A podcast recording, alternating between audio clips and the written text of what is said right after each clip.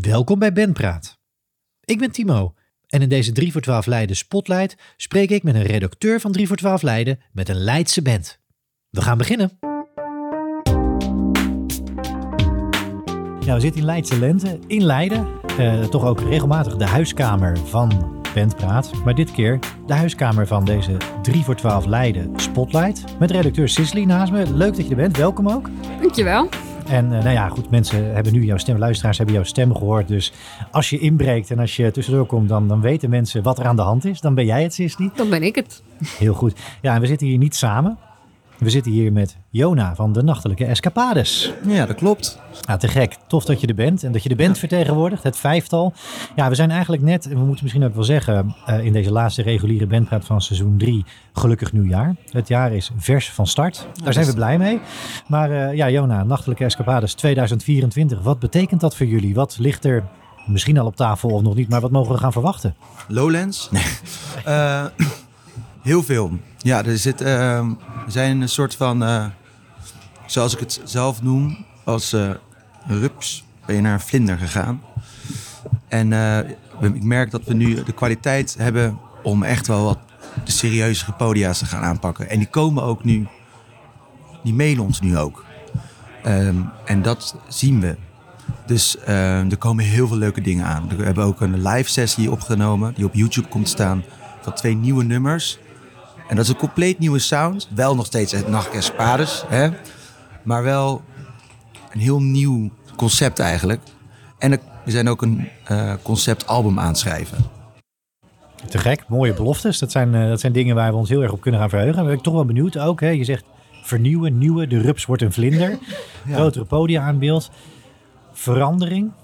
Kan je dat misschien al, ja, kan je de vinger daar misschien een beetje ja. op leggen? Van wat, waar zit die verandering? Is dat muzikaal? Is dat in de aanpak? Is dat in live benadering? Nou, eigenlijk al die, al die dingen. Het is op een gegeven moment kom je op een punt als band dat je zeg maar als vriendengroepje en een beetje in de scene en het groot gewoon goed lult, zeg maar. En gewoon overal lekker speelt en het wordt altijd feesten, gratis bier.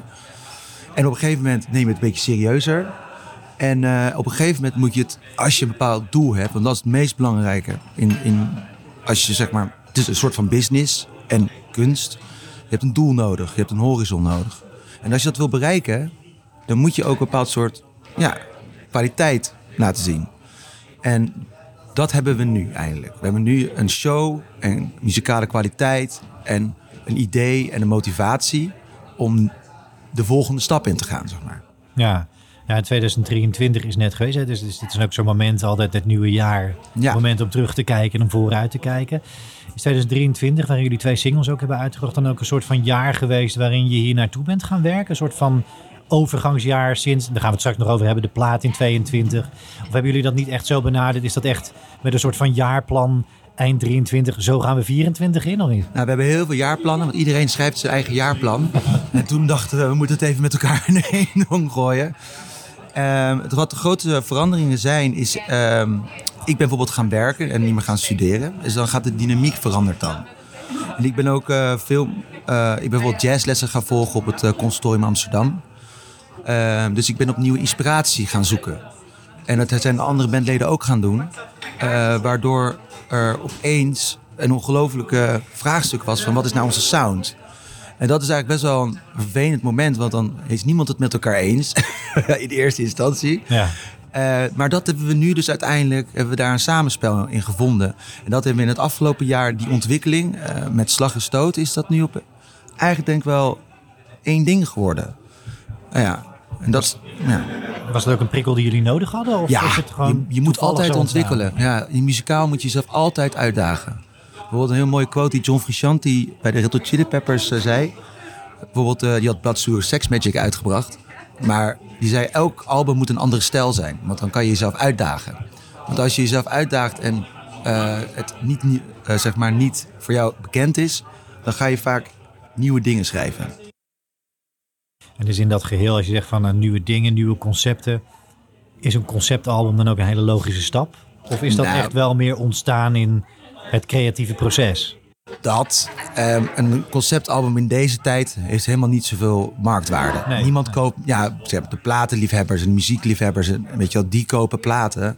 Maar je, het belangrijkste is nu je Spotify-lijsten gewoon in te komen. Het is die conceptalbums, dat heeft helemaal geen waarde meer. muziek heeft ook in waarde gedaald door Spotify. Uh, het is alleen echter, wij maken niet muziek om uh, daar aan te denken. Wij maken muziek omdat we het zo gaaf vinden. Dat is ons doel. We zijn helemaal, ik denk nergens anders aan, weet je wel. En dat conceptalbum, dat was voor ons een droom. We gaan het gewoon maken. En daar komen hele mooie singles uit die we kunnen.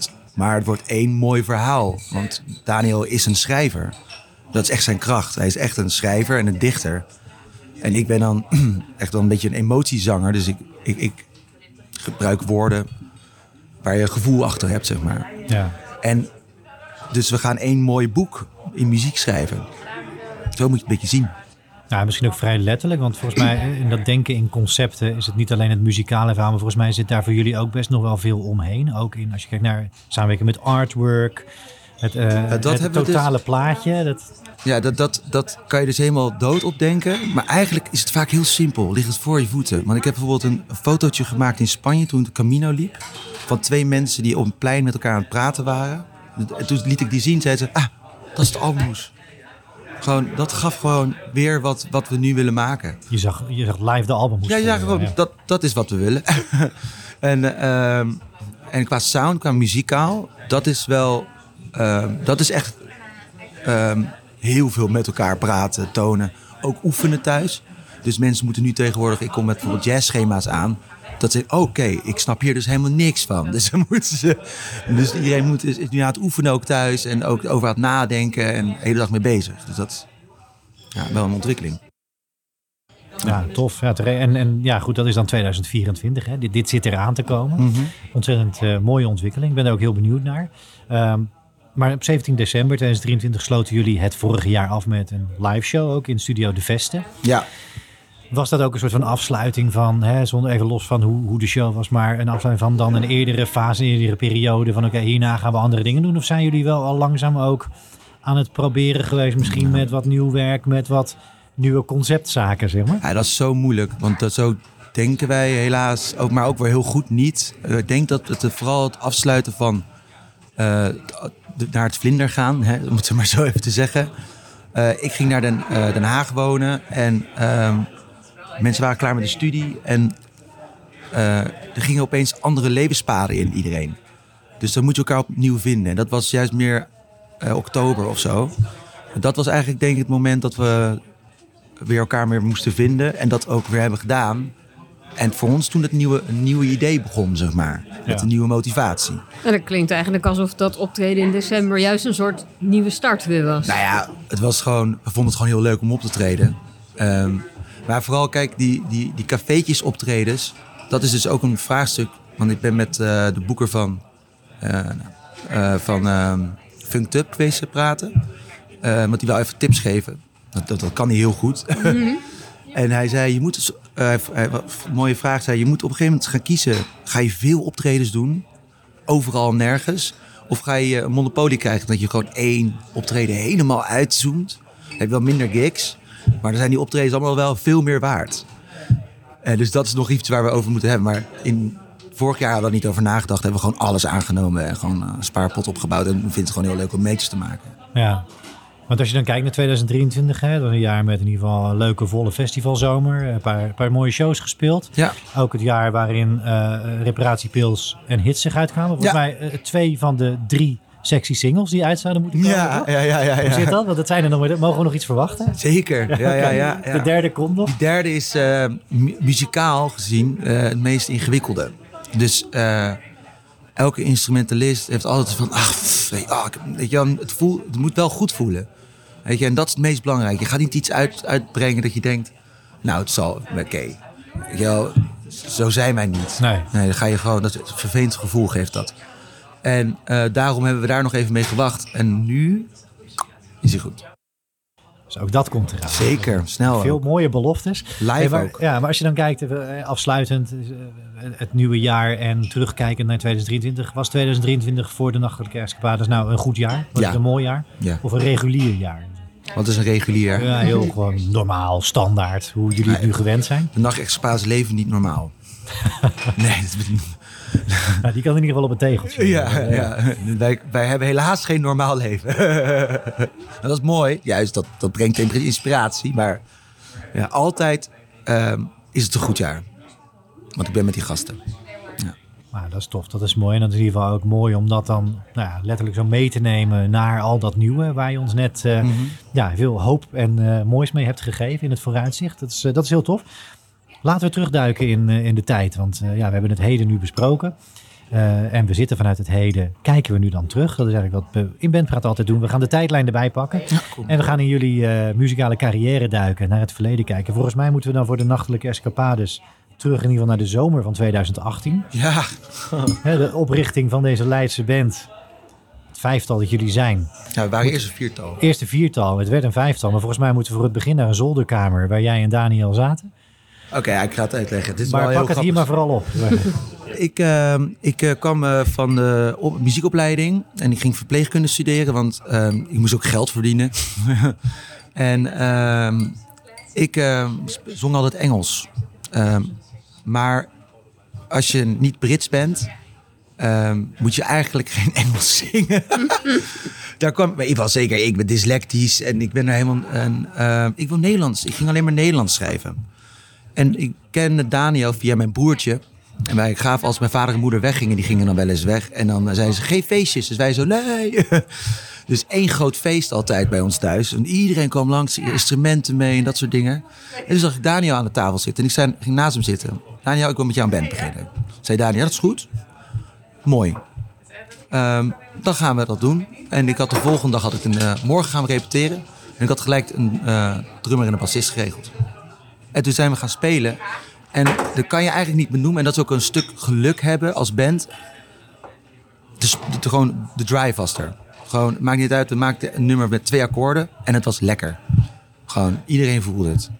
En uh, dat heb ik nog nooit in mijn leven meegemaakt met alle 18 bandjes die ik ervoor heb gespeeld. Was het, ook, was het ook zoeken op dat moment naar wat jullie precies gingen doen? Of was het gewoon van nou, we gaan staan, spelen, we zien wat er komt? Nou, ik had, ik had een paar conceptjes. Het is altijd dat mensen met een bepaald concept komen. Anders is het één grote, dan heb ik chaos. Maar zo gestructureerd als het nu gaat, toen niet.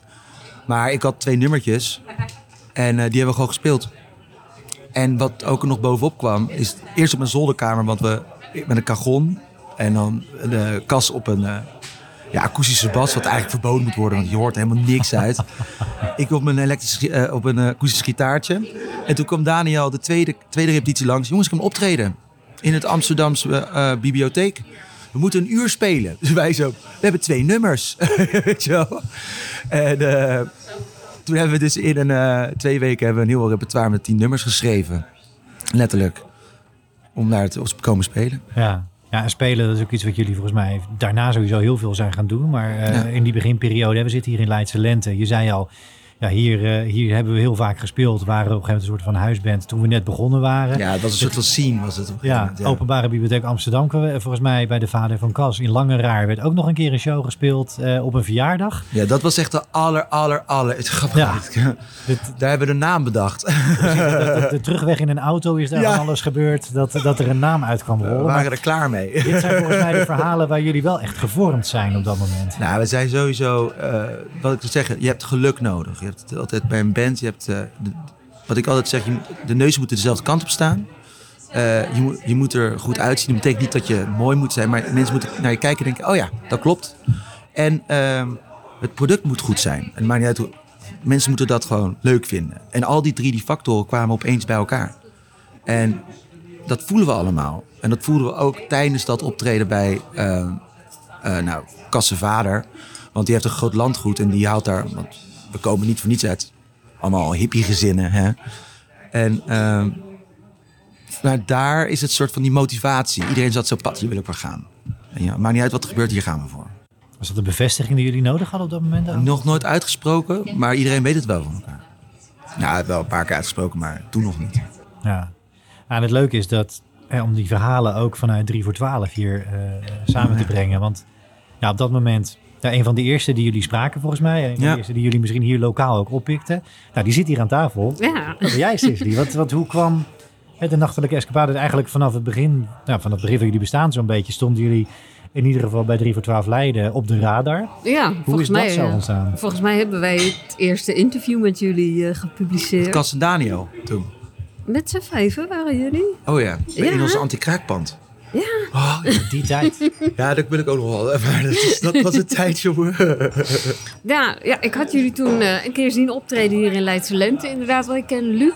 Hmm. Um, ik heb met Luc in een bandje gezeten van de muziekschool. Hmm. En ik sprak hem over iets. En toen vertelde hij dat. Zei, ja, ik ga in Leidse Lente optreden met mijn band. Ik zei, oh, Oké, okay, dan ga ik even kijken. Kom maar. Oh, wat een leuke band zeg. nou, en toen was ik fan en toen, ja, toen wilde ik jullie interviewen. Ja, dankjewel. En, uh, ja, dat hebben we gedaan. Ik ben nog steeds fan. Nou, dat is mooi. ja, dat is te gek. En zo, ja, dat, is, dat, dat balletje is gaan rollen hier in ieder geval ook lokaal. En volgens mij nog lang niet opgehouden. Nee. Nooit meer opgehouden en nog steeds niet. Nee. Maar nou ja, goed, toen kwamen jullie uiteindelijk in 2019 met De Zon die schijnt zo hoog. Hè? Jullie eerste single. Dat was een... Uh, volgens mij ook een sessie waar jullie twee uh, tracks opnamen uh, op de nieuwe plaats met jouw oude gitaar, gitaarleraar. Ja. Uh, en, en, maar, maar, dat is een fase geweest waarin jullie dus vanuit al dat live spelen, vanuit die kilometers, vanuit na twee repetities een, een, setlist samen moeten stellen voor een uur spelen in Amsterdam. Naar echt opnemen. Nou ja, precies, naar echt opnemen toe. Hoe zijn die stappen voor jullie geweest? Als je toch vooral een live band bent, volgens mij zijn jullie nog steeds gewoon een, ja, een knettergoede live band. Maar hoe vertaal je dat naar ja, dat is studio? en hoe is dat, proces toen geweest? Daar zijn we dus achter gekomen. Ja, ik, ik had het al. Ik ben best wel een. Uh, ik, ik, denk heel erg in, in, in, concept. Ik ben heel erg een conceptdenker. En ook uh, hoe ik vind. En dat heeft iedereen in de band.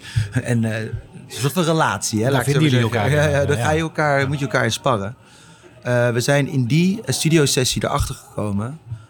wat opnemen inhoudt. En toen zijn we er eigenlijk achter gekomen dat het, dat het audioproduct een compleet andere kunstvorm is dan een live product. Live, uh, onze live performances kan je eigenlijk niet, dat wil je ook helemaal niet per se zo opnemen, behalve als je ook camera op hebt staan. Je kan met onze nummers en de muziek die we schrijven, moet je op een heel andere manier kijken naar als je het gaat opnemen. Misschien heeft dan een akoestische gitaar veel meer, veel meer nut. Of is er dan, kijk, en want dat is die kunstvorm. Mensen uh, die gaan er naar luisteren en moeten eigenlijk gepakt worden en willen het op de fiets 24-7 draaien. Um, en op een live performance, dan speel je echt een paar keer foute noten. En het gaat af en toe echt helemaal niet goed, maar het kan net goed optreden zijn. Want het gaat om de performance. En dat zijn twee verschillende soorten kunstvormen. Uh, en dat hebben we daar achter gekomen. Want de sessie ging echt niet heel goed. We moesten echt even wennen. Oh ja, kliktrack. maar was het echt ook echt opnemen als in met allemaal in de ruimte en spelen? Of nee, apart. ja? En dat, daar komen we dus achter van, oh, daar kan je ook mee spelen. En uh, ook wat je sound is. Ik was, had helemaal geen idee. Ik heb gewoon mijn, gewoon versterker aan. Ik ging spelen. Oh, je moet sound denken en zo. En, uh, en die ontwikkeling zijn we toen gaan maken. Die we in de Paarse Hoes wat meer naar voren hebben gebracht. Ja, en als je dan als het even confronterend stel, en dat is dan een persoonlijke vraag voor jou, maar hoe vang je de nachtelijke escapades wat jou betreft dan het best? Is dat een live show of is dat toch het studio deel? Allebei.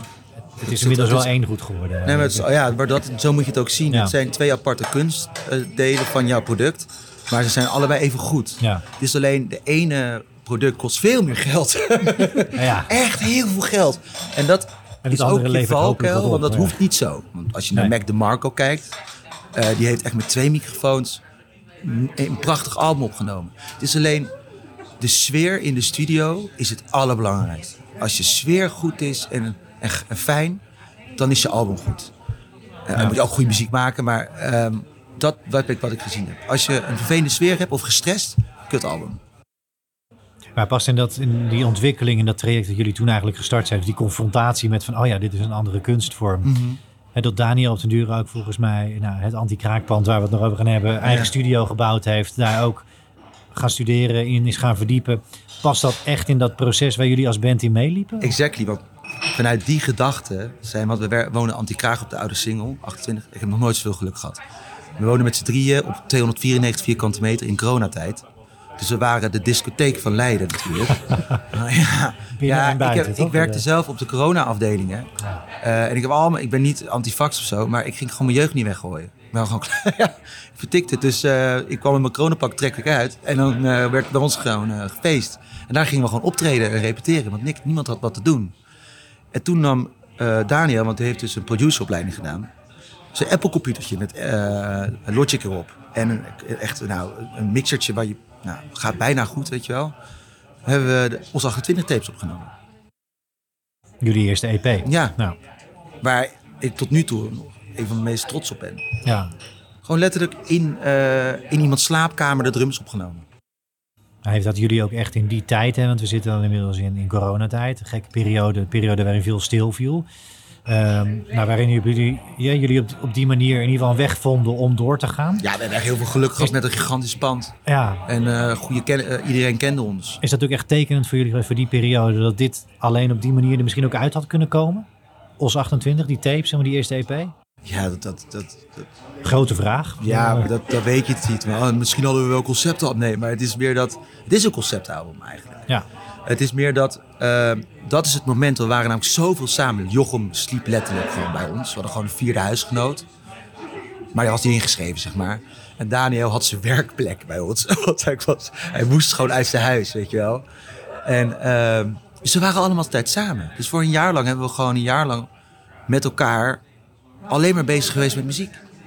Alleen maar met elkaar spelen. Gewoon, we, ik en Cas hebben gewoon uren sessies gedaan dat we gewoon loopjes uitzochten. Funkloopjes. Met een biertje erbij gingen we doen. Gewoon zo strak mogelijk worden. En daar is de kracht ontstaan en de, en de verboedering.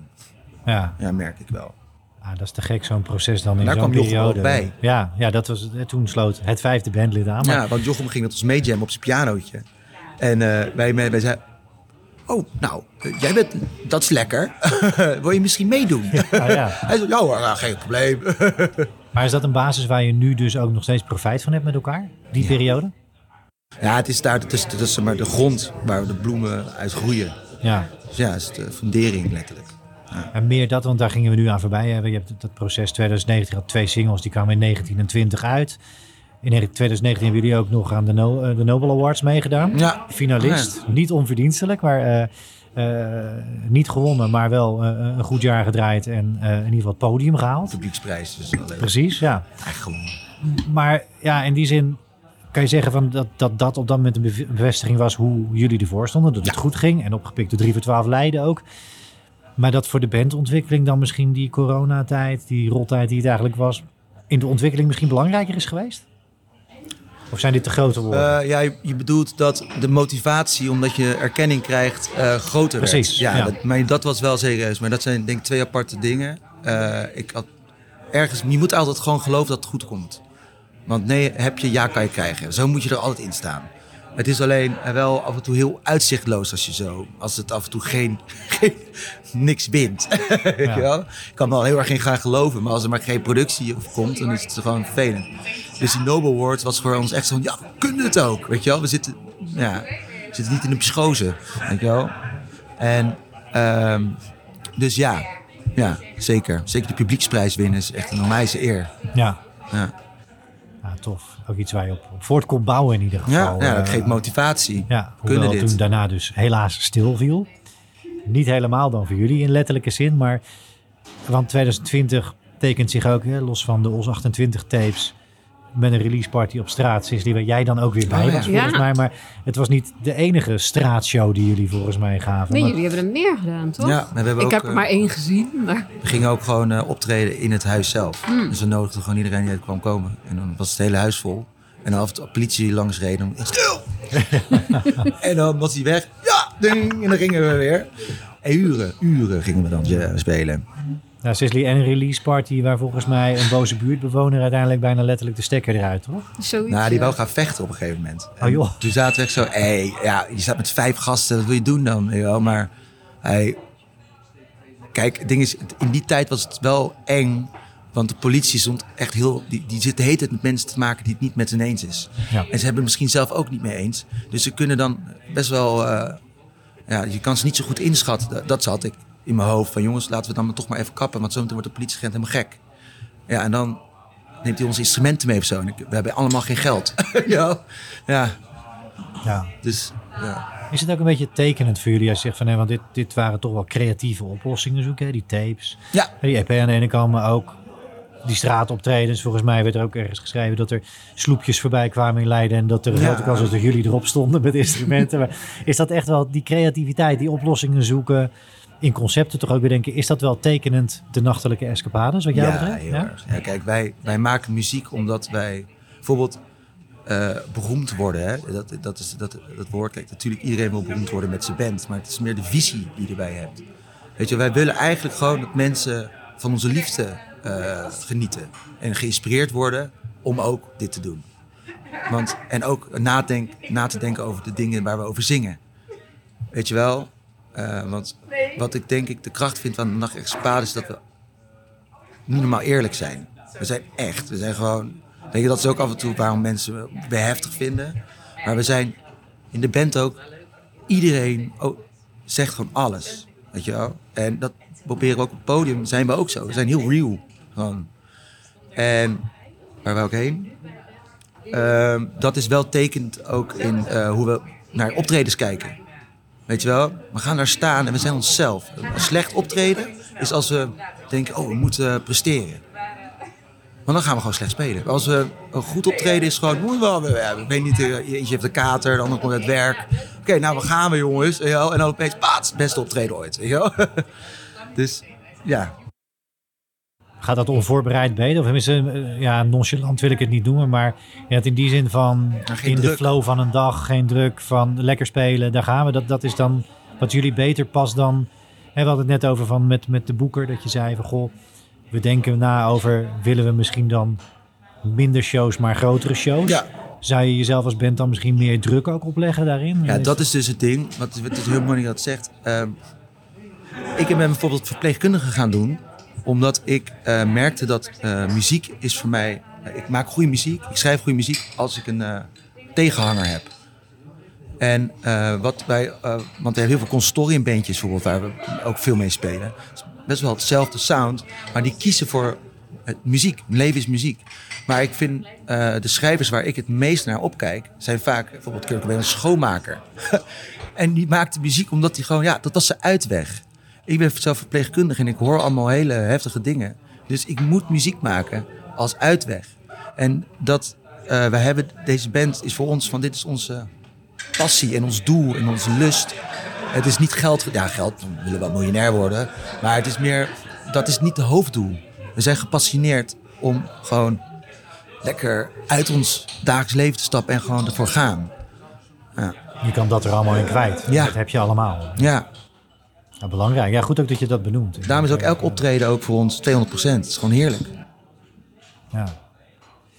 Ja, en dan, ja, als we de tijdlijn nou op, ik vind het mooi dat je dat deelt, dus dank daarvoor. Eh, en, en ik denk ook heel erg leuk en goed tekenend om te weten in dit geval dat dat ook echt, dat jullie dat zijn, dat jullie daar zo met elkaar in staan, dat dat de basis van de band ook misschien wel is. Nou, we weten nu een beetje ook hoe die basis gelegd is en hoe die basis zich in lastige periodes van lockdowns ook voortgezet heeft. En hoe jullie daar eigenlijk sterker doorheen zijn gekomen. Ja. Via nog een single in 21. Uiteindelijk dan naar de debuutplaat. Hè, de debuut studioplaat. De echte langspeler.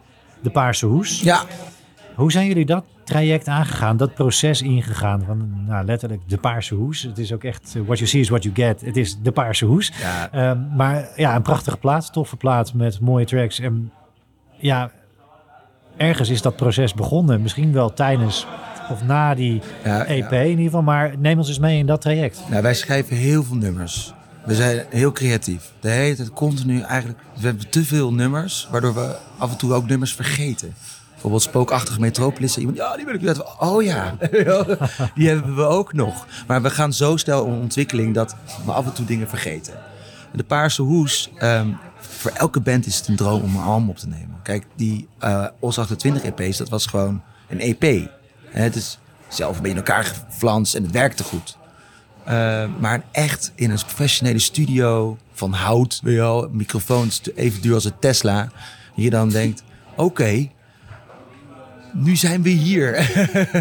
ja. um, en ook dat we er tien dagen met elkaar, dus we hebben expres gekozen om dat in Arnhem te gaan doen om uh, uit de bubbel te stappen. Dus we zijn continu bij elkaar. Dus je gaat ook niet uit het proces. Um, en dat is uh, gewoon een droom. Het was gewoon een onwijze ervaring om dat te doen. Ja. En hoe dat proces ertoe... We hebben gewoon nummers uitgezocht. En zo goed mogelijk voorbereid zoals je dat kan. Want we hadden eigenlijk nog nooit in zo'n studio opgenomen. Uh, en dan kom je zeker wel tegen dingen aan. Je denkt, oh, we hebben helemaal geen rekening mee gehad. oh, de koortjes. Oh, die zijn vals. ja, en uh, dus uh, eigenlijk vind ik de Paarse Hoes echt dat was eigenlijk meer de, soort van het, uh, de ontwikkeling van onze musicaliteit. Zo kan ik het een beetje zeggen. En hele mooie nummers, maar echt een soort van de ontwikkeling. Als je dan terugkijkt naar de nieuwplaats, hè, waar je zegt, daar liepen we er heel erg tegenaan. Opnemen is een andere tak van sport. Ja. is, iets, is dat proces daar in Arnhem dan misschien verder gegaan? Of waren jullie daar wel beter voorbereid in die zin? Mm. Nou, we waren natuurlijk al wat ouder. We hadden wat, wat meer uren op onze instrumenten gemaakt. Dus dan ben je al wat meer uh, wetende wat je nou precies wil. Echter, in een nog veel fancere studio heb je eigenlijk heel geen idee wat je aan het doen bent. En vooral, het is, wat ik, wat ik, waar, daar ben ik dus erachter gekomen dat de sfeer allerbelangrijkste is. Het maakt niet uit welke microfoon je hebt. Je kan op een tape recordertje, als je maar gewoon een lekker sfeertje hebt, dan heb je gewoon een goede plaat. En dat moet je als eerst hebben. En dan daarna kan je met de musicaliteit die je dan uh, hebt uh, geleerd, daaronder allemaal dingen gaan bouwen. En, uh, en helemaal gaan audio, helemaal, er, helemaal los kan gaan. En dat, daar kwamen we daar tegenaan van, jemig, we hebben nu een synthesizer, maar we hebben geen idee wat we, wat we ermee moeten. ja, hè? En dat is daar nog meer ontwikkeld. Ja, soundwise, ja. Was die ruimte er ook? Echt om, om daar de tijd voor te nemen? Want dat is natuurlijk ook vaak hè, de studio in betekent de teller gaat lopen. Ja, die ruimte heb je veel langer nodig. Je kan niet die tien dagen die sound creëren. Je hebt gewoon, dat heeft, dat heeft maanden nodig. En ook heel veel research en oefening. En heel veel optreden vooral. Want als je, als je, als je op het podium je sound hebt, dan is je studio makkelijker. Maar als je op je podium nog niet helemaal van, ah, wat, welke amp wil ik? Of uh, ik zit nog niet daar, of uh, ik ben nog niet tevreden met die. Uh, dat moet, je moet daar al, dat moet je al helemaal ready hebben als je het studio in gaat. Uh, dat heb ik geleerd in ieder geval. En wat zouden jullie dan nu naar 2024 toe, jaar met weer hè, een conceptalbum in vooruit Wat zouden jullie daar nu dan anders of juist hetzelfde in gaan doen? Zijn jullie sound... weer stappen verder? Of gaan jullie waarschijnlijk weer meer leren? Nou, altijd meer leren. Niet dat ik nu uitgeleerd ben. Professor muziek. ja, nee, maar nee, ik, uh, um, wat, wat ik nu zie is dat we nu heel veel dieper in de stof ingaan. Want bijvoorbeeld doordat ik jazzconservatorium heb gedaan, uh, tien dagen met uh, tien weken, tien dagen, tien weken met een jazzgitarist heb, ben ik helemaal geïnspireerd jazz te, gaan studeren. En dus die, daar nummertjes over gaan schrijven. En uh, iedereen is nu wel zoveel meters aan het maken dat iedereen ook echt wel snapt van oké, ik weet wat ik nu wil kan, wat ik kan. En en we hebben nu een idee. We hebben een kleur, we hebben een, een, een, een verhaal. Dus we gaan het helemaal uitdenken. Daar zijn we nu mee bezig. Ja, te gek. Ook weer een mooi proces. Ja. En, en als je dan kijkt van um, wat er dan uitkomt, de, de, plaat was er op den duur. Dan ga je mee het land in, om het zo te zeggen. In ieder geval, je begint in Leiden, in de Wiebar. Met een release show anders dan wat hè, met, met de EP, met ons 28, dat moest op straat. En dat werd afgebroken. Maar toen was er dan echt een release show die jullie ook eerder al eens bij een single hadden willen doen. Een release party met de single, wat toen ook niet door kon gaan door, door corona. Maar toen was die release show in de Wiebar er. En toen, dan vertaal je die plaat ja, naar dat was wel een hele gave show. Ja? ja, omdat gewoon je heel Leiden kent, weet je wel, heel alternatief Leiden, jong Leiden kent ons. Dus het was een goed feestje. Um, maar je bent, komt er dan achter dat je op een gegeven moment een manager nodig hebt. Ja. Want wij zijn allemaal ADHD'ers en, uh, weet je wel, eigenlijk hebben we gewoon niet de structuur om dat allemaal. Weet je wel, en uh, toen kwam dus Jesse in beeld en, die, en dat, toen was wow, weet je wel, die dan mee ging denken. Daartegen is het ook weer heel iets nieuws, want het is de zesde bandlid eigenlijk, ja. die geen recht heeft op de muziek. Zo moet je het een beetje zien. Uh, maar je hebt al zo lang met elkaar iets opgebouwd. En dan komt er zo iemand bij. En dan oké, okay, even wennen. Hè? Die heeft ook een mening. Wat heel goed is, maar dan moeten we even aan wennen. Ook weer een proces. Juist. En uh, dat was eigenlijk na die release show. Dat die professionaliteit opeens. Oké, eigenlijk moeten we een beetje serieus gaan aanpakken, weet je wel. En hoe gaan we dat dan doen? Ja, dat is ook een mooi ontwikkelen, een mooi proces waar ja. je daarin meegaat. Maar ook een confronterend professionaliseren. Ja. ja, in welke zin confronterend? Nou, dat het dan niet alleen nog maar om, uh, om de van uh, love en uh, we're going with the wind. Maakt niet uit waar ik speel, weet je wel. Doe vraag bijvoorbeeld. We vonden het bijvoorbeeld moeilijk om veel geld voor onze muziek te vragen. Maar Jesse niet. Jesse zegt, je gaat gewoon onderhandelen. Dan denk je, jullie hebben gewoon eigen werk, goed product. Je kan gewoon 600 euro vragen. Maar wij, wij dachten, 600 euro. Joh, 100 euro, ben je wel blij? Weet je wel? Mensen luisteren, weet je wel? En zo iemand erbij hebben is heel prettig. Die gewoon zegt, nee, we gaan gewoon 1200 euro spelen, klaar. Want het zijn gewoon goede band. maar dan zouden we zelf, die ego zouden we nooit zeg maar, zo zelf ontwikkelen, zeg maar. Dat is gewoon de stap naar zakelijker ja, denken. Precies, het ja, zakelijk denken. Ja. ja. dat is ook interessant. Maar ik kan me voorstellen dat het inderdaad confronterend is. Dat is iets wat je, waar je misschien letterlijk de knop voor om moet zetten als band ook. We hebben ook een media manager nu. dat is, Handig. is even belangrijk als je muziek. Ja, nee, zeker. Ja. Ja, zeker tegenwoordig is het ook echt iets wat je er niet even bij doet. Maar volgens mij als je het serieus aan wil pakken, dan moet dat gemanaged worden. Ik heb zelf geen social media. ja. Dus ja, dus ik, ja. Nee, daar ga je. Ja, daar ga ik al. Ja. Hey, even uh, terug naar het publiek. Je zei net al, hè, uh, Leiden, alternatief Leiden, iedereen kent jullie hier wel. Jullie zijn nou, een, een, bekende naam in de Leidse scene. Erkend ook natuurlijk door de publieksprijs bij de Nobel Awards, maar tegelijkertijd ook 2022 nog Leiden, 3 voor 12 Leiden, Song van het Jaar met Chardonnay. Ja. Uh, ook weer erkenning. Ja, is dat, en, en natuurlijk ja, ook een mooie lijst met interviews. 3 voor 12 Leiden. Is dat nou iets, ja, Cicely, ook vanuit jullie, staat de Nachtelijke Escapades nou gewoon ook steeds als een hele grote Leidse stip op de redactiehorizon?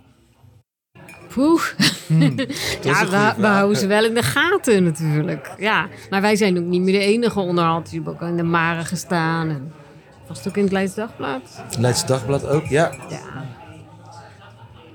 Dus uh, ja, we houden jullie uh, in de gaten met z'n allen. Ja, dat vind ik wel heel leuk. Ja, ja, ja. ja.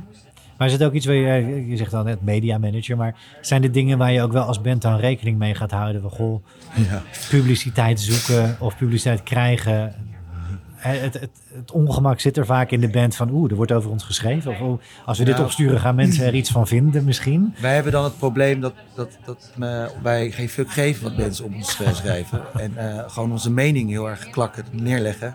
Wat echt heel mooi is en ook altijd moet houden. Maar we hadden laatst een interview en dat was chaotisch, jongen. Oh, moly. Want iedereen ging op elkaar reageren. Je zag die, zag die microfoon heen en weer uh, gaan. En toen zat ik zo, oké, als we niet professioneel gaan, moeten eigenlijk gewoon letten waar we gaan zeggen. Weet je wel, want we praten gewoon en af en toe gaan we eerst praten en dan denken. Dat doen we. En daar heb ik zelf ook last van. Maar toen zat ik echt van, oh, maar dat kan echt wel een backfire, weet je wel. Dat, daar moeten we echt over gaan nadenken van wat is onze visie. Als iemand ons interviewt, wat is ons plan? Iedereen moet op hetzelfde lijn staan. Uh, want dat doen we wel, maar hebben nooit, uit, we nooit gewoon een uh, ja, plan voor gemaakt. Uh, voordat iemand. Uh, want we gingen toen voor de geine voetbalcommentator nadoen. Weet je, ik denk van dat is wel gaaf. Maar ja, wanneer komt de single uit? Zat iedereen. Oh ja, wij eigenlijk helemaal niet. Want we hadden gewoon totaal niet hierover nagedacht, weet je wel. En dat is zijn weer zo'n confronterend ding van... oké, je moet er professioneel na gaan denken... van hoe mensen ons gaan zien en wat ook mensen met ons gaan doen. Ja, belangrijke stappen, belangrijke stappen in de ontwikkeling van je band. Mm. Zeker als je ja, op het niveau komt waar jullie nu staan. En het niveau misschien daarin zelfs hè, die lat nog hoger gaan leggen. Ja, zeker. Onmisbaar misschien zelfs wel. Maar wat ik ook interessant vind, want dat is even een aparte zijstap die ik dan wil bedoelen. We hebben het over stappen, we hebben het over de Leidse scene en verder dan de Leidse scene en Nederland. Maar in 2022 reden jullie naar Italië. Hoe zit dat? Ja, vraag mij. ja dit is echt zo'n goed verhaal. Okay, nou, een internationale ja, tour. We waren in corona hadden we ook een soort van, ja, ook optredens, maar die, van die, dat iedereen zit zo, dat je dan keihard aan het pompen bent, iedereen zo zit op een stoel, zo ook mooi. ja. En er was één Italiaan in Wageningen, die vond het helemaal fantastisch. Die dacht, dit wil ik in mijn dorp. dit is, die, is, de, die heeft een festival daar, een dorpsfestival, waar de, alle dorpen in die regio, dus naast Rome, al die regio's, dan in naar één dorp komen waar dan allemaal muziek. Het is echt magisch. Ik ben helaas de naam vergeten, maar raad iedereen aan om daarheen te gaan. Het is echt een traditioneel, echt een, eh, een Godfather dorpje. Uh, waar door de hele straten muzikant muziek wordt gemaakt. En wij waren de internationale act. En dat vond ik zelf al, hè, ben je nou, ben je nou grapjes aan het maken? Nee, we zijn echt geboekt in Italië. En de vliegtickets kunnen we ermee dus. We kregen net zoveel gage om alle vliegtickets te dekken. Dus wij zaten, nou, wat hel. Oké, wij komen. En, um, Te gek, toch? Ja, dat was echt, jongen, dat was een avontuur. Dat was gaaf. Ja. Maar hoe ga je daar, want dat is ja, een vraag die ik eigenlijk aan de hele band natuurlijk zou kunnen stellen. Maar hoe ga je daar dan als Nederlandse act in een soort van geclusterd Italiaans dorpfeest? Italianen kunnen geen Nederlands, kwamen nee, dus precies, achter. Ja, hoe, Ja, ga je, hoe ga je dan het publiek of het feestje maken als dat niet overkomt? Ja, dat was ook een hele grote stressfactor. We Ja. dachten, dit gaat, dit gaat echt helemaal naar worden. Want Italianen, die- onze taal is al niet zo helemaal... weet je wel. Dus je denkt, gaat die goed met ze? Weet je wel? maar eh, we hadden dus één nummer hadden we dus vertaald naar het Italiaans. Nou, dat raad ik aan, want dan gaan de Italianen helemaal los als je dus iets in hun taal eh, zeg maar vertaalt. En het, aan het begin, want onze set gaat altijd, eh, zoals we het zeggen, die heeft altijd een eh, piekmoment. En ze beginnen, ze ze zeggen, je moet als seks zien, je begint het voorspel en dan eindig je met een climax. En ehm, zo begon deze set ook. En de eerste, die, die, zachtige nummers, die, die sloegen niet aan. Gewoon, toen was het nog geen vriendin, maar ik heb haar toen voor mijn vriendinnetje gevraagd. Stonden met z'n twee zo daar helemaal zo te dansen, maar niemand. En toen we begonnen te funken, helemaal vol. Echt, nou, een van, een van de meest, ja, vond ik wel een van de meest energiegevende optredens die ik heb gedaan. Want ik kreeg ook, we kregen ook, konden onze instrumenten niet meenemen. Dus we kregen instrumenten van een of van iemand in een dorp. Maar die was ze vergeten. Dus ze moesten naar een ander dorp rijden. En dan kreeg ik een soort van squire uit de jaren twintig. Die één pick-up had. En mijn bassist ook. en daarmee hebben we het optreden gedaan. En eh, toen hebben we laatste dan Italiaans vertolkte nummer gedaan. Toen ging dingen los. Ja. Maar echt. Zo onwijs gastvrij. We liepen in een, een of ander uit elkaar gevallen Italiaans dorpje. eh, gebouwtje. Maar ja, het is echt een ervaring. Ja, een tof avontuur. Dat is Ja. iets, ja, iets waarvan je zegt, dat smaakt wel naar meer, zoals internationale act Ja, op locaties in een buitenland spelen. Dat zijn Of- echt geluksdingen. Want we maken Nederlandse muziek. Ja. We zijn heel Nederlands. Ook, ook qua eh, de, de onderwerpen die we aan, aan eh, zetten zijn ook heel Nederlands. En heel, nee, heel Nederlands. Ik bedoel, maar dat, dat, dat spreekt dat, dit volk heel erg aan. Eh, en eh, je kan als beeldmuziek natuurlijk gaan toeren. Ehm, maar dat is niet de insteek. Natuurlijk willen we bij buitenland spelen. Maar dat is, het is, voelt een beetje vreemd. Je maakt gewoon Nederlandse eh, muziek. Hij is in die zin, wel, is misschien een beetje creatief gedacht, maar is, is dan als je bijvoorbeeld in Italië speelt, de mensen jou niet verstaan, je tekst niet verstaan, is dan de kunstvorm belangrijker dan, Nee, performance. dan wat je hier bijvoorbeeld in Nederland zou doen? Nee, is alle, als je optreedt, het gaat allemaal om de performance. Ja, Maakt niet uit of je vals speelt of niet, als je het maar gewoon meent en energie geeft. Dat, dat is wat ik heb gezien. Weet je wel? dus of je tekst dan landt in Italië maakt niet zo gek voor als uit je als die de energie hebt, dan, kan, dan, en zeker de Italianen, die zijn echt, die zijn, dat is echt zo'n groot verschil tussen het Nederlandse publiek en die gaan gewoon altijd. Die vinden het altijd fantastisch. Zo gaaf om te zien. Ze komen allemaal luisteren en dansen. Eh, en hier zijn we, hebben we gewoon heel, veel te veel bandjes en veel te veel plekken om mee te gaan. en het te druk leven. Dus mensen zijn iets, iets kritischer op de, op de kunst. Ja, nee, tof. Ja, het was, ja, we zitten al 43 minuten, eh, hangen we aan je lippen en zijn we op reis met je. Hmm. Eh, ja, ik vind het ontzettend tof. En ehm Leslie, hebben we tot nu toe dingen laten liggen? Zijn er dingen waarvan je zegt van, hé, hey, daar zijn we overheen gegaan, dat wil ik nog weten? Ik weet eigenlijk niks. Nee, Ik, eh, nee, ik want- hang aan zijn lippen. Ik eh, had Ja. niet zoiets van... En hoe zit het met dit? En hoe zit het met dat? Ja, dan, dan lonken de rubrieken. Maar dan wil ik nog één, één afsluiten voor dit deel. Eh, Ja. Dank daarvoor. Je hebt heel veel gegeven, eh, Jona. Daar zijn we heel blij mee.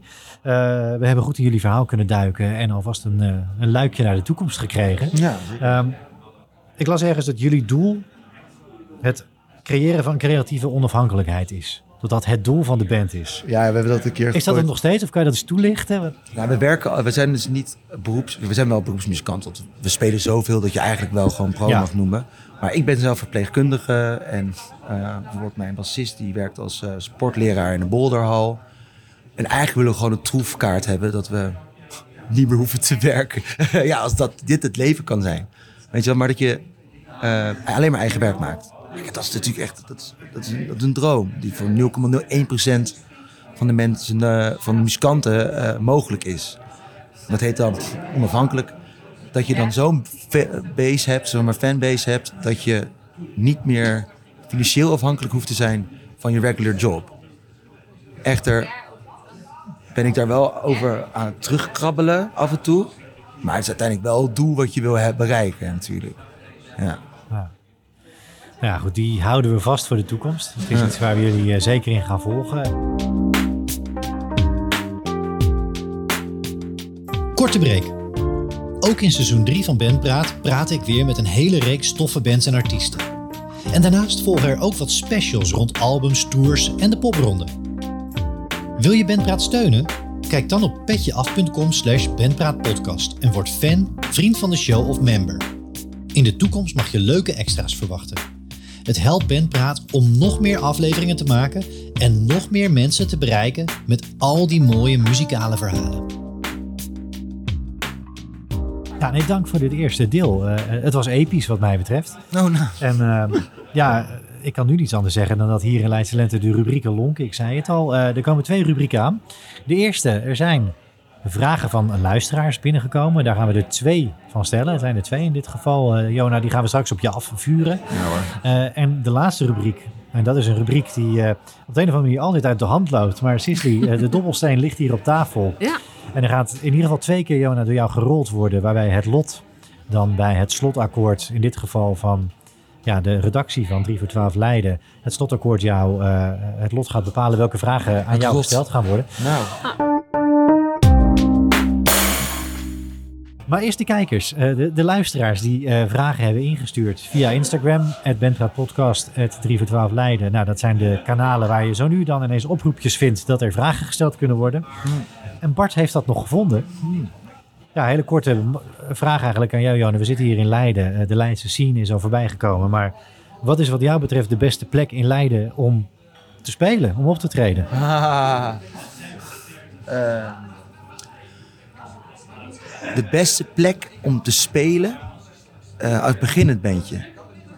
Ja, of, het is aan jou om de, het moment in nou, je carrière je, te bepalen. Als beginnend ja. bandje, wat ik het meest aanraad, is feestjes thuis organiseren en daar op te treden. Uh, dan maak je namelijk je zien. En als je dat een beetje gecreëerd hebt, dat je dan naar kleine cafeetjes gaat, want dan neem je ze mee. Dan heb je ze altijd, dan zien opeens met, hey, iedereen drinkt hier bier. En dat is voor mensen die naar boekers en zo en mensen die beentjes boeken heel interessant. Maakt geen fuck uit wat je voor muziekje maakt. En je begint dus eerst in je huiskamer, nodig gewoon heel veel vrienden uit, gratis bier. En dan uh, ga je lekker spelen. En dan daarna bij cafeetjes. En dan, ja, in Leiden, ik moet toegeven, Leidse Lente is echt een heel goed voorbeeld. Die staan ook heel erg open voor. Je moet alleen nooit verwachten als je de, op dat stadium komt, dat er uh, mensen naar luisteren als je niet mensen meeneemt. en dat helemaal leeg staat. Bijvoorbeeld, ik raad het af om dan een kleine zaal Nobel te gaan staan. Want die is heel duur. Uh, want je krijgt altijd een package deal. En om die te vullen, moet je gewoon al mensen een naam hebben. Dus ga gewoon naar cafeetjes toe en nodig gewoon moker voor vrienden uit. En dan uh, doe je dat gewoon elke week. ja, ja, zorg gewoon dat iedereen het gewoon een soort van borrel wordt. dus zorg in het begin vooral zelf voor een vol huis. Juist. En zorg daarna dat dat volle huis verhuist. Ja, begin eerst een scene te creëren en daarna uh, cafeetjes te, te maken. Het heeft voor jullie gewerkt. Ja, en ik, en ik achteraf denk ik, dat is ook denk ik wel de beste manier om te doen. Bijvoorbeeld eerst je eigen stad veroveren en daarna andere steden. dat is een mooi, uh, mooi principe, een mooi strijdplan. Dank voor die tip die je hier ook gewoon eigenlijk even gratis meegeeft. Sisley, er is nog een vraag eh, binnengekomen. Ja, dat klopt. Marieke heeft ook een vraag gesteld. En zij vraagt: Aan welke show denk je nog wel eens hardop lachend terug? Dat is een goede vraag trouwens. Uh, ik denk. De beste optreden dat ik ooit heb ooit wat voor mij het beste optreden voelde. In ieder geval de meeste intensiteit. Een optreden gaat over de energie. Hè? En dat er een foute noot zit, dat is altijd wel zo. Maar de energie die ik daar uh, heb, heb uh, gevoeld... Uh, was denk ik de tweede keer op Funktip stonden we in de grote zaal. En dat was niet normaal. Het was echt... Uh, omdat iedereen kende onze nummers opeens. Dus ik zo van, hè? Maar ik dacht dat ik alleen maar mijn moeder en vader af en toe meezongen. Maar nu zongen echt mensen, allemaal mensen die ik helemaal niet kende ook. Die allemaal meezongen. En ook, dat was ook de eerste keer dat er ook bijvoorbeeld uh, eh, vrouwen en mannen zo een bepaalde blik naar staart het hele optreden. Je denkt, oké, stop met staren. Ik ben aan het spelen. Maar dat, dat, was, zo, dat was dat kantelpunt van, oké, dit is er aan de hand. En dus dat is denk ik wel voor mij een van de optredens waar ik nog af en toe naar terugkijk. Was dat letterlijk een hele grote thuiswedstrijd spelen? Nou, dat was de eerste keer dan een thuiswedstrijd op een groter, uh, groter uh, ja, podium ervaren. Ja. Tof. Daarna kon ik ook niks meer. Ik kon niet meer sociaal zijn en zo. Ik dacht, ah, backstage, ik, zo, ik wil niemand meer zien. ik, ben, ik, heb zo, ik weet niet wat me overkomen is. in de kleedkamer gaan zitten. En, ja. Uh, ja. en mijn vriendin kwam naast me, gaat het? Ik zei, nou, uh, nee. Even landen. Nee. ik ga naar huis. Ja, toch, maar dat overkwam je dus echt. Ja, dat was echt niet normaal. Zoveel energie door je lichaam heen gaat. Ik moest echt aan wennen. Ja.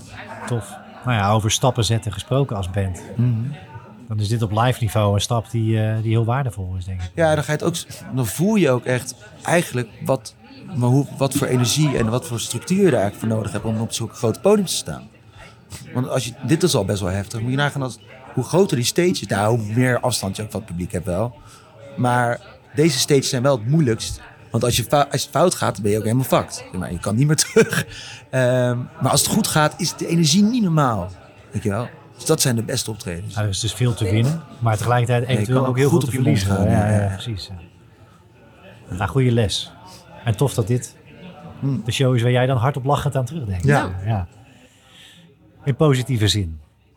Hey, te gek, dankjewel. Nou, dit waren de vragen van de luisteraars. Dank ook weer voor het insturen en dank voor het, uh, ja, uh, nou ja, het, het, het, episch beantwoorden daarvan. Uh, dus dus nee, well done. Doen best. Ja, Sisley, dan de laatste rubriek. Wacht. En ja, dat is een rubriek die niet mis is.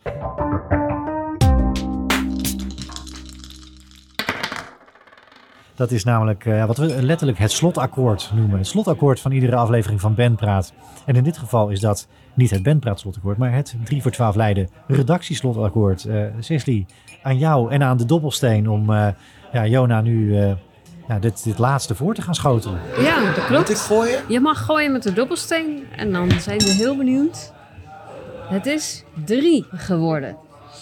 en aan het getal 3 hangt de volgende vraag. Wat was het grootste creatieve conflict in de band? En hoe, en hoe zijn jullie daar uitgekomen? We hebben echt um, laatst gehad echt gigantisch conflict met elkaar. Um, ik ging dus heel vanuit jazz uh, muziek schrijven. Um, terwijl bijvoorbeeld uh, Luc, je houdt gewoon van pompen. Je houdt gewoon van Race the Machine. We gaan een riff gooien en bouwen. En ik was heel erg ingewikkelde liefdesliedjes aan het schrijven. Daar het eigenlijk op neer. en um, ja, dat, dat, dat, er zaten echt van, nou, we weten, wat gaat, wat gaat goed mis dit, zeg maar. Want we voelen elkaar niet aan. Uh, hoe zijn we eruit gekomen? Nou ja, het is een relatie in band. Zo moet je het zien. We zijn al vijf jaar met elkaar, elke woensdag, op elkaars lip. En nog veel meer dagen op elkaars lip. Dus uh, op een gegeven moment ga je elkaar ook helemaal klaar met elkaar zijn. Ga, je irriteren aan je voorhoofd, zeg maar. En ook creatief uh, is dat ook zo. Um, en het ging op een gegeven moment mis, is dat ik uh, schema's ging schrijven. En dat hun zaten van, nou, ik snap het schema niet, maar dat wil ik niet zeggen of zo. Uh, waardoor je dan, oh, kan je dat veranderen? En dan zeg ik, wat veranderen? Weet je wel, heb naar het schema gekeken. Dat is belangrijk, dat akkoord. En uh, we gingen niet meer naar elkaar luisteren. Van, ja, en dan thuis, we gingen dan bij mijn vriendin zo, ja, maar zo wil ik niet. Weet je wel. Waarschijnlijk zij hetzelfde ook deden. En mijn vriendin is psycholoog en die ging opeens een spiegel van en toen werd ik van, hé, hey, bemoei je er niet mee, maar uh, gelijk. dus, dus ik dacht, oké, okay, nou, um, toen zijn we naar het concept gaan denken. Maar dat was, hoe, zijn we, hoe we eruit zijn gekomen, is gewoon uh, even boos worden, huilen, knuffelen. Uh, en ah, dan, is het, dan, dan voel je, dat voel je. Van, oh, zo, dat was het weer. En toen daarna hadden we op een huisfeestje, deden we een nummer. Toen voelden we weer helemaal het, gewoon, het was één, één motor weer. Dus uiteindelijk hebben jullie toch wel uitgesproken en toch wel weer gaan communiceren met elkaar. Ja, dat is ook en... waarom we nog steeds bij elkaar zijn. Ah. Maar dat moet je wel, in elke relatie, dat moet je ook weer opnieuw ontdekken. Van, ja. uh, nou, de oude communicatie werkt niet. Dus we moeten het nieuw gaan ontdekken. Weet je? Oké. Okay. Um, nou, dan mag je nog een keer gooien. Oh. Voor de volgende vraag. Dat C. Zes. Wat is een niet-muzikaal kunstwerk waar jullie inspiratie uithalen? Alles is kunst, weet je wel.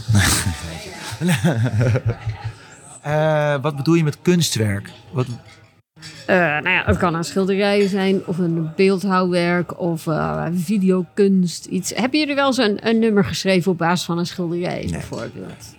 eh, wat wel zo is, is dat onze, onze rapper Daniel, die, die leest veel. Hè? Dus die leest veel boeken.